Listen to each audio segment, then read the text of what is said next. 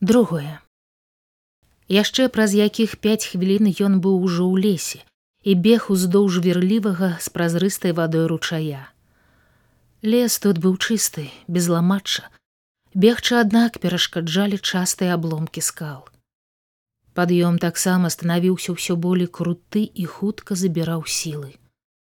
Чакаючы і баючыся новай пагоні иван ускочыў быў ручай каб схаваць ад аўчарак след вода ледзяным холадам прухка ударыла ў ногі да болю апякла ступні і ён прабегшы якіх двадцать крокаў выскачыў зноў на бераг ускарабкаўся на скальную кручу тузануў перазараджаючы пісталлет затвор выкінуў на камяні перакошаны патрон.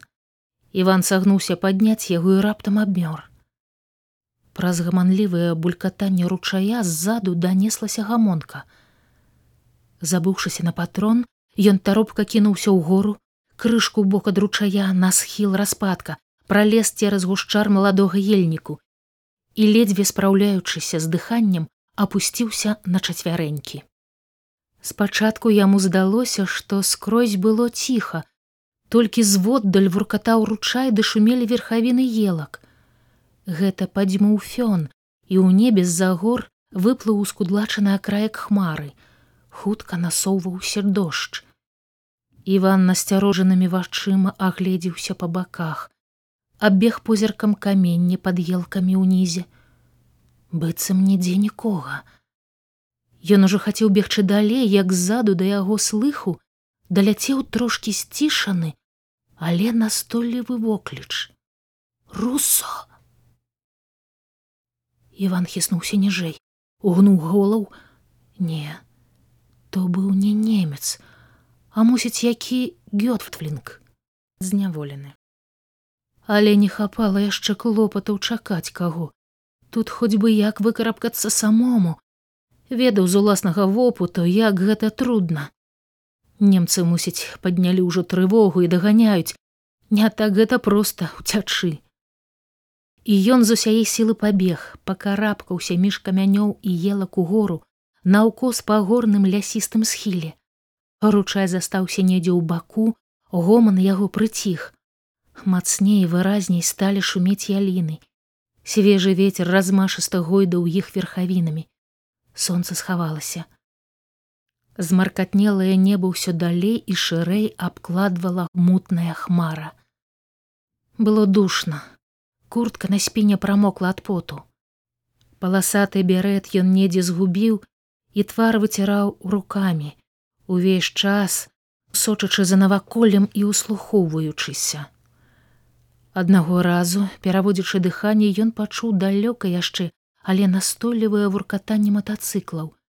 Тут недзе праходзіла дарога, і немцы, вядома, ўжо чаплялі раён.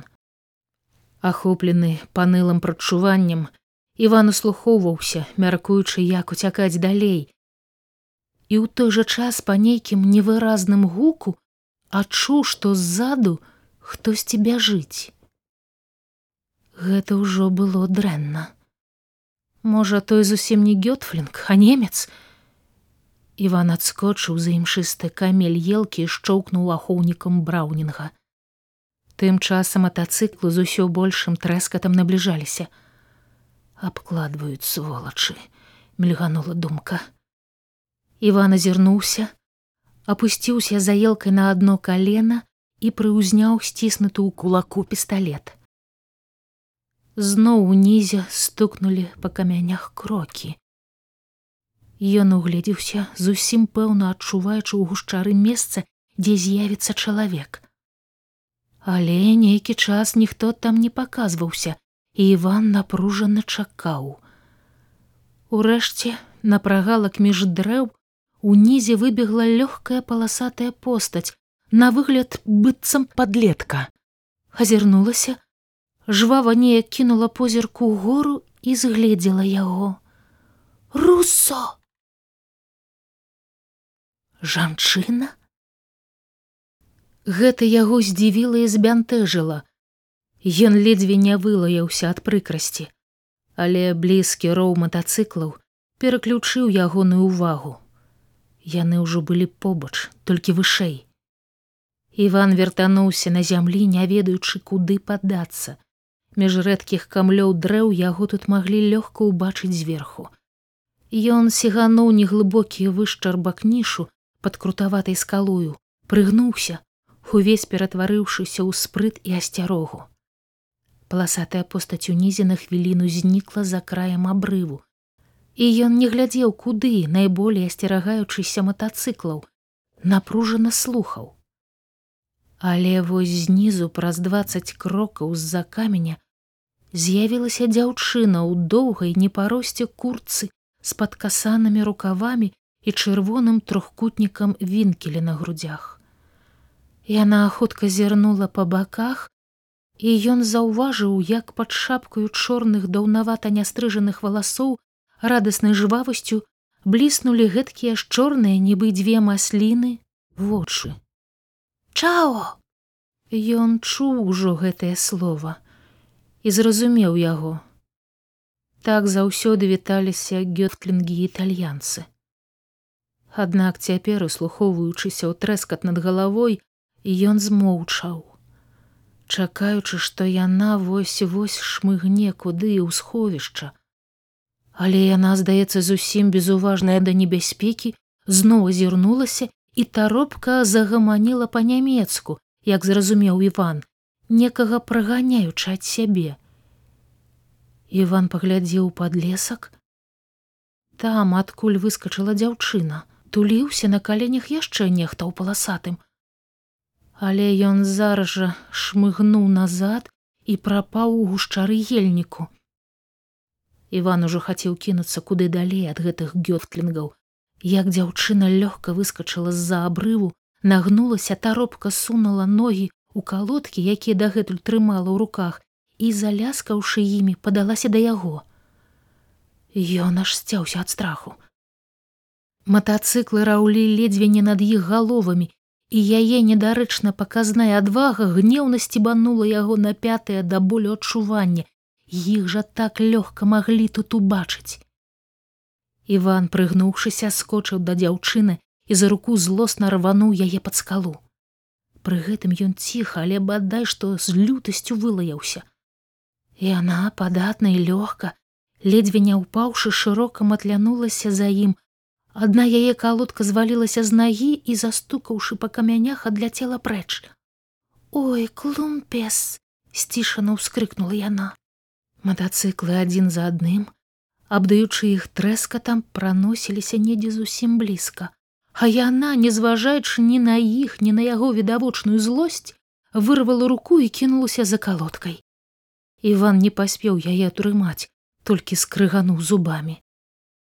А яна тым часам спрытна схапіўшы калодку, матлянулася назад, коротко нібы вінавата зірнула на яго. У яе вачах бліснуў азарт і неслухмянасць распешчаны зухаватай дзяўчынкі.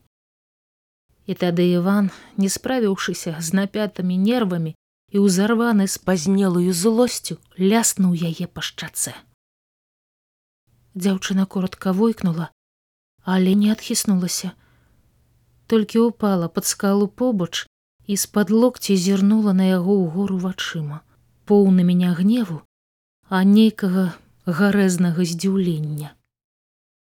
Матацыклу чуваць было, аддаляліся.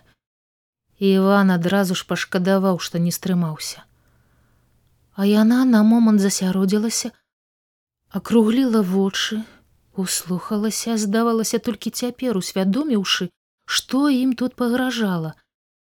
І падцяўшы калена ў гэткай жа паласатай, як і ў яго штаніне, насунула на ступню калодку пасля зноў зірнула на яго. І па-дзіцячы няўмела выгаворваючы словы нібы картавячы паўтарыла ягоную лаянку. Гэта было так нечакана як і яго аплявуха. І здалося івану такім незвычайным што ў ім нешта скранулася зрушылася. Нешта чалавечае на момант шыбанула ў яго заскарузлую ад гора душу і ён упершыню за сённяшні дзень здзіўлена і шырока раскрыў свае вочы ого!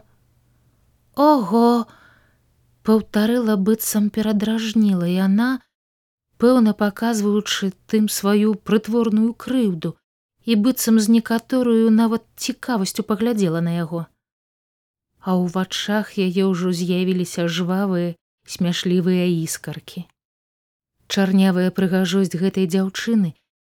І незвычайная яе адвага ў гэтым іх болечым складаным становішчы збівалі яго стропу ты куды бяжыш хутка і сурова кінуў ён пазіраючы ў дол на яе падцятыя ў калодках цыбатыя ногі. Вас? Вас вас. Куды бяжыш? Руссо бежыш іх бежыш ён з-пад лба кальнуў яе злосным позіркам.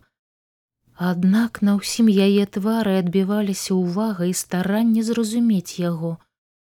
Густыя чорныя бровы што зарасліся над пераноссем былі высока ўскінуты. Ты знаешь куды я бягу? Я руслан бягу. Зловіць мне будзе пуф-пуф а табе гэта ён чыркнуў сабе пальцам па шыі паказаў угору яна зразумела.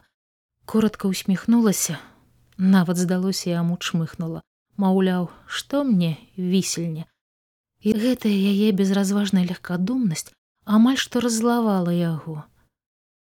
Смялячка расхрабрылася ну і бяжы толькі без мяне. Конечна мірна усміхнулася дзяўчына і иван падумаў што яна не зразумела яго і ён памкнуўся быў запярэчыць. Але ў гэты час у баку ад горада пачуліся крыкі і сабачы брэх. Відаць там кагосьці лавілі. Чорт з ёй з гэтай дзеўкай падумаў иван трэба было прабірацца далей і ён хутка палез па схіле